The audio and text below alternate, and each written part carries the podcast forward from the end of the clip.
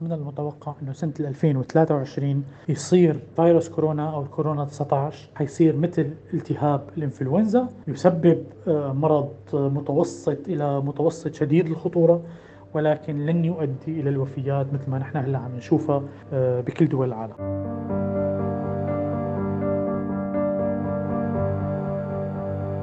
الكلام الذي سمعتموه للتو لدكتور هاني حرب الحاصل على الدكتوراه بعلم المناعة وما فوق الجين عمل سابقا كباحث وعالم في جامعة هارفارد وحاليا يعمل في جامعة جيسن الألمانية. سيكون دكتور حرب ضيفنا في حلقة اليوم من بودكاست في عشرين دقيقة ليحدثنا عن تحورات فيروس كورونا والبحث المتقدم الذي تجريه المخابر والمعامل العلمية ومراكز الأبحاث للحد من انتشار كورونا 19 الذي خرب علينا حياتنا خلال الفترة العصيبة التي شهدناها ونشهدها كما سيحدثنا بشكل خاص عن عملية اللقاح ضد كورونا وإجراءاتها المتبعة في ألمانيا. وسنتطرق إلى نقاط مختلفة في ملف الصحة العالمية وما يرتبط بملف كورونا ولقاحاته أهلا بكم معكم براء صليبي.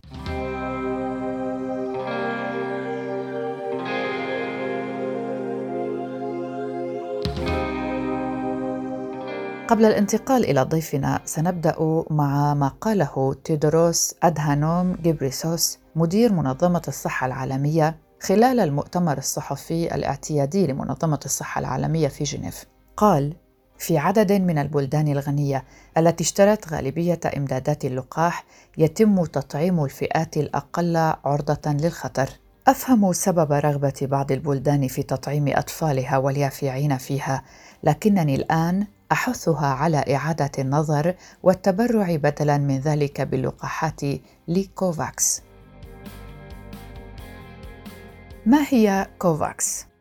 كوفاكس هي ركيزة اللقاحات لمبادرة تسريع إتاحة أدوات مكافحة كوفيد-19 أو مسرع الإتاحة ACT. يشترك في قيادة مبادرة كوفاكس كل من التحالف العالمي من أجل اللقاحات والتمنيع GAVI والائتلاف المعني بابتكارات التأهب لمواجهة الأوبئة CEPI ومنظمة الصحة العالمية WHO. هدفها ركيزة اللقاحات لمسرع الإتاحة ACT تسرع وتيرة البحوث من أجل استحداث وتصنيع لقاحات مضادة لمرض كوفيد-19 وضمان إتاحتها بشكل عادل ومنصف لكل بلد من بلدان العالم، حيث تعزز الجهود لتوزيع ملياري جرعة بحلول نهاية 2021. لماذا نحتاج إلى كوفاكس؟ يمثل استحداث لقاح مضاد لمرض كوفيد-19 أكثر التحديات في وقتنا، ولا يمكن تحقيق ذلك إلا بمضافرة الجهود، فقد أدت الجائحة العالمية حتى الآن إلى وفاة مئات الآلاف من الأشخاص وتعطيل حياة مليارات الأشخاص الآخرين. إن استحداث لقاح مضاد لمرض كوفيد-19 سيجنب الاقتصاد العالمي خسارة 375 مليار دولار أمريكي شهرياً، فضلا عن أنه سيحد من الخسائر الفادحة في الأرواح وسيساعد على السيطرة على الجائحة وتعد إتاحة اللقاح على الصعيد العالمي بشكل منصف لا سيما لغرض حماية العاملين في مجال الرعاية الصحية والفئات الأكثر عرضة للخطر. هذا هو السبيل الوحيد للتخفيف من أثر الجائحة على الصحة العامة وعلى الاقتصاد.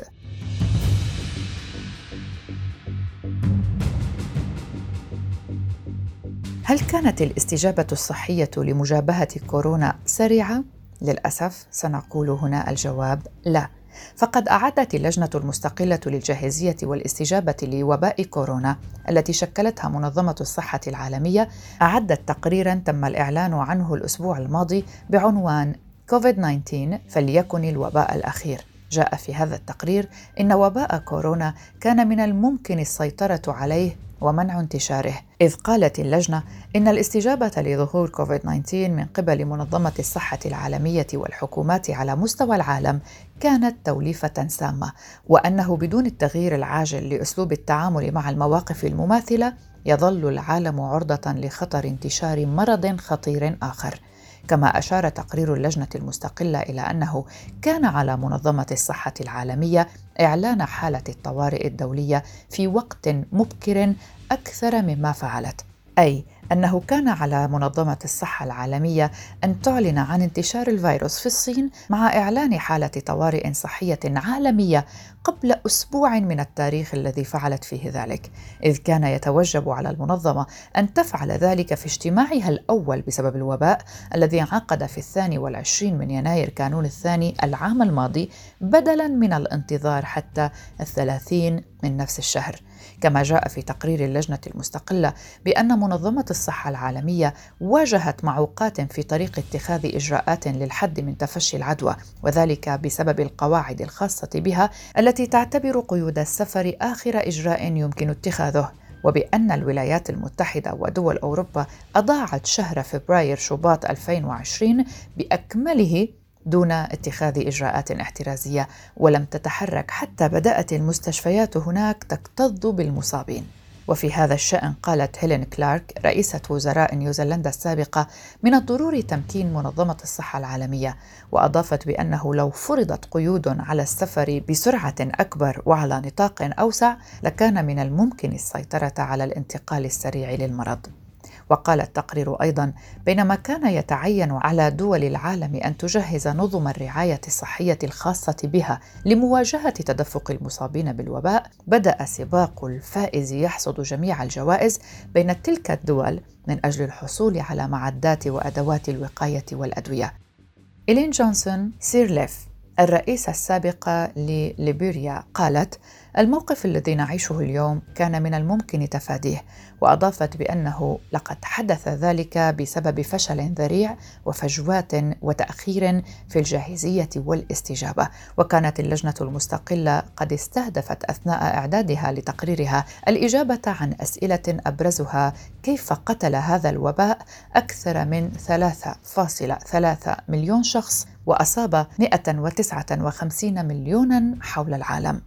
ومن أجل تفادي تفشي أي أوبئة كارثية أو وباء آخر في العالم أوصى التقرير بإجراء الإصلاحات التالية. اولا تأسيس مجلس جديد للتهديدات العالمية وتكون لديه صلاحية محاسبة الدول. ثانيا إنشاء نظام مراقبة للأمراض لنشر المعلومات دون الحاجة إلى موافقة الدول المعنية. ثالثا ينبغي التعامل مع اللقاحات المضادة للأمراض على أنها سلعة عادية تباع للجمهور. رابعا إطلاق برامج تمويل لمواجهة الوباء. كان هناك طلب مباشر من دول مجموعة السبع الكبرى للالتزام بتوفير 1.9 مليار دولار لصالح مبادرة كوفاكس الدولية لإيصال اللقاحات إلى البلدان الفقيرة. ووفقا لأحدث أرقام لمنظمة الصحة العالمية تجاوز عدد الوفيات بسبب الوباء عالميا حاجز فاصلة ثلاثة مليون وفاة وبينما تستعد الولايات المتحدة ودول أوروبا لتخفيف القيود المفروضة للحد من انتشار فيروس كورونا واستئناف أوضاع الحياة الطبيعية. يستمر كوفيد 19 في توجيه ضرباته بقوة إلى أجزاء من آسيا. فقد سجلت الهند كما تعلمون ارتفاعا حادا في أعداد الإصابات والوفيات بسبب الفيروس وسط عجز حاد في الأكسجين في المستشفيات بشتى أنحاء البلاد. كما تشهد دول الجوار مثل نيبال ارتفاعا حادا مماثلا في معدل انتشار العدوى. أما في ألمانيا فقد انخفض معدل الإصابة وأعلن معهد روبرت كوخ لمكافحة الأمراض المعدية وغير المعدية في صباح يوم الجمعة الرابع عشر من أيار مايو أن معدل الإصابة بفيروس كورونا المستجد في ألمانيا انخفض لأول مرة منذ 20 آذار مارس لأقل من 100 إصابة لكل 100 ألف في غضون سبعة أيام. سنعود لضيفنا دكتور هاني حرب الحاصل على دكتوراه بعلم المناعة وما فوق الجين ليحدثنا عن عملية اللقاح ضد كورونا وإجراءاتها المتبعة في ألمانيا تحديدا. كونه متواجد هناك. أه شكرا كثير للفرصة أن يحكي شوي عن وضع لقاحات الكورونا بألمانيا حاليا. أه حاليا بألمانيا اللقاحات أه عم تتوزع بشكل تقريبا 60% أو 70% عم بيكون لقاح بايونتك فايزر اللي هو تم تطويره في شركة بايونتك الألمانية. وشركة فايزر الأمريكية طبعا ببداية الجائحة حملت عاتق آه، تصنيع كميات كبيرة من اللقاح. ولكن طبعا التصميم كان ألماني. آه، بنسبة أقل تقريبا حوالي 25% أو أكثر شوي. حاليا اللقاحات هي لقاح عم بيكون أسترازينيكا. الإنجليزي السويدي من شركة أسترازينيكا. طبعا مثل ما إذا انتبهتوا اللقاح في عليه بعض آه، المشاكل اللي انحكت بشكل عام اللي هي موضوع الخثرات الدماغية اللي هي مردة لتفعيل آلية مناعية ضمن الجسم اللي هي بتسبب هي الخثرات. بنسبة تقريبا هي 0.004% اللقاح الثالث اللي عم بنعطى هو لقاح موديرنا آه الامريكي اللي هو based on the same mechanism أو بنفس آلية عمل لقاح بايونتك اللي هو لقاح ال mRNA اللقاحات بألمانيا عم تنعطى عن طريق آه شيء اسمه Impfzentrum أو مراكز التلقيح وهي مراكز ضخمة كتير. آه بمدينة فرانكفورت على سبيل المثال المعرض العام فرانكفورت Messe أو معرض فرانكفورت الضخم جدا بيحوي صالات هائلة ضخمة جدا للعرض. تم إفراغ هي الصالات وتم توزيع عدد هائل من الكراسي على مدار الصالة. بيتم دخول الأشخاص وترتيبهم حسب التسجيل اللي عم بيصير أونلاين. في آه، موقع خاص التسجيل أونلاين العالم بتفوت وبتسجل فيه حسب الأهمية أو ال priority تبعية الشخص. طبعا بدأ التلقيح بإعطاء اللقاحات للأشخاص فوق ال 80 سنة بعدين نزل لفوق ال 70 بعدين لفوق ال 60 وحاليا اللقاحات هي للجهات المختلفة اللي هي أي شخص مصاب بأمراض مزمنة مثل السكري أمراض القلب الضغط على سبيل المثال. هدول الأشخاص هلأ حاليا لهم آه، الأولوية للحصول على اللقاح.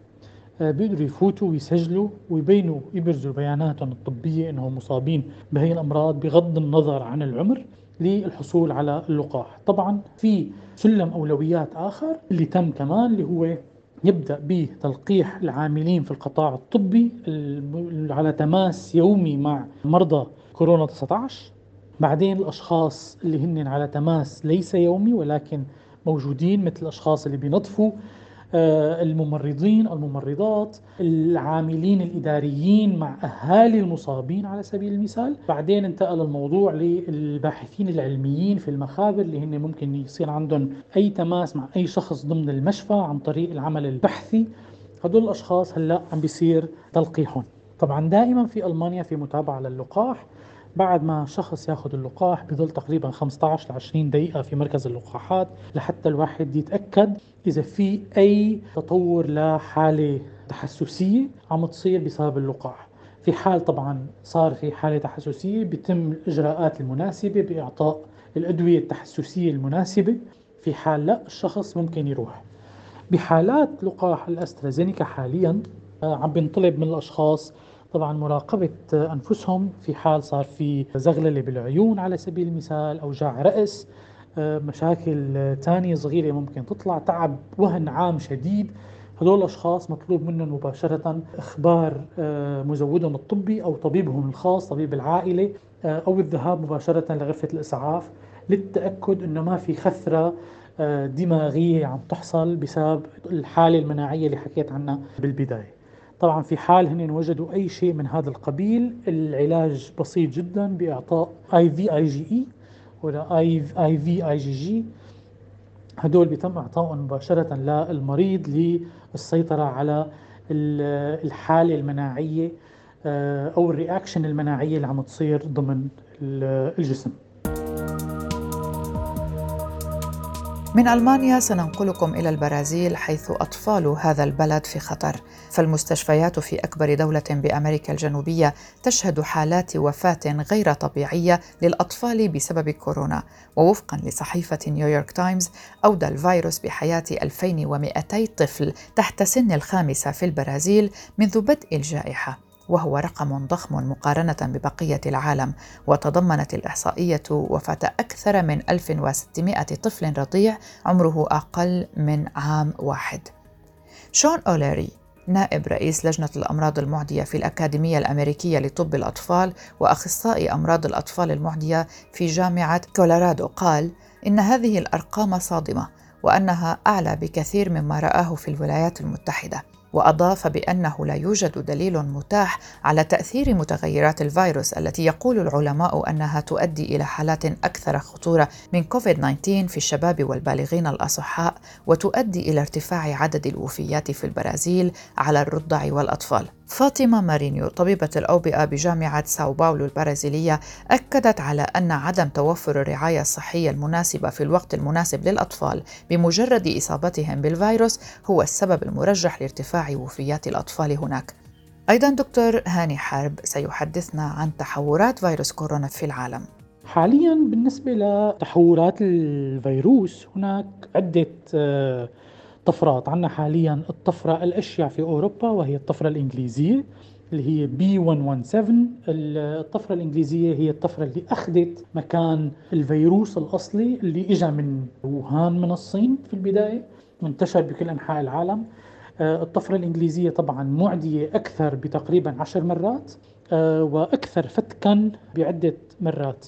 طبعا لحسن الحظ لقاح آه، بايونتك يستطيع السيطرة على هذا الفيروس بنسبة تتجاوز ال 89 ل 90% الطفرة الثانية هي الطفرة الجنوب أفريقية B 11 351 أكثر انتشارا وأكثر فتكا وتشابه بعمل الطفرة البرازيلية ال P 1 اللي حاليا محصورة بالبرازيل. إذا بننتبه على أخبار الجائحة في البرازيل أخذت منعطف جدا شديد بوفاة كميات هائلة من الأشخاص إصابة أعداد هائلة من الأشخاص.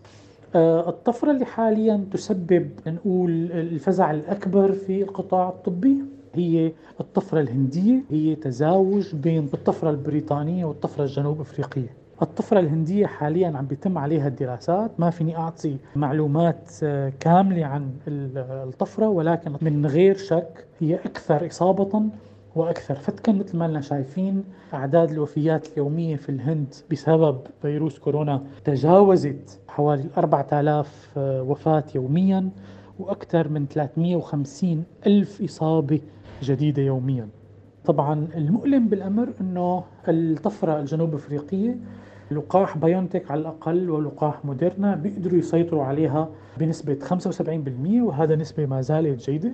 ولكن طبعا هي المعلومات ليست طبية متكاملة ولكن المعلومات المبدئية بالنسبة للطفرة الهندية أن هي تستطيع الهروب من الجهاز المناعي أو من التطورات المناعية اللي بيسببها اللقاح. لذلك طبعا من المتوقع أنه نحن في نهاية هذا العام حيصير في تطوير للقاح بمعنى آخر حياخذوا ال mRNA الحمض النووي الريبوزومي الناقل الخاص بالطفرة الهندية ليضموها ضمن ال pool من ال RNA الخاص باللقاحات. لا يتم إعطاء booster shot آه، للأشخاص. طبعا من المتوقع إنه يكون في لقاح داعم أو إبرة داعمة من اللقاح كل سنة أو كل ست شهور. هذا الشيء حتبين لنا إياه الدراسات. حاليا اللقاحات عم تحمي لمدة ستة أشهر على الأقل. الدراسات طبعا عم تستمر غالبا بنهاية شهر واحد. أو شهر 12 حيبين عنا الدراسة الجديدة إذا اللقاح يستطيع الاستمرار والحماية لمدة سنة كاملة. في حال هذا الشيء معناتها لقاح الكورونا حيصير لقاح سنوي مثل لقاح الإنفلونزا.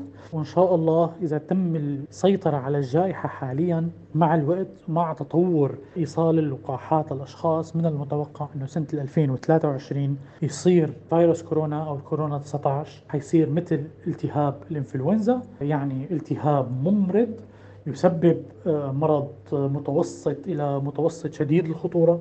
ولكن لن يؤدي إلى الوفيات مثل ما نحن هلأ عم نشوفها آه، بكل دول العالم. مع الوقت مع تطور إيصال اللقاحات للأشخاص من المتوقع إنه سنة 2023 يصير فيروس كورونا أو الكورونا 19 حيصير مثل التهاب الإنفلونزا يعني التهاب ممرض يسبب آه، مرض متوسط إلى متوسط شديد الخطورة ولكن لن يؤدي إلى الوفيات مثل ما نحن هلأ عم نشوفها آه، بكل دول العالم.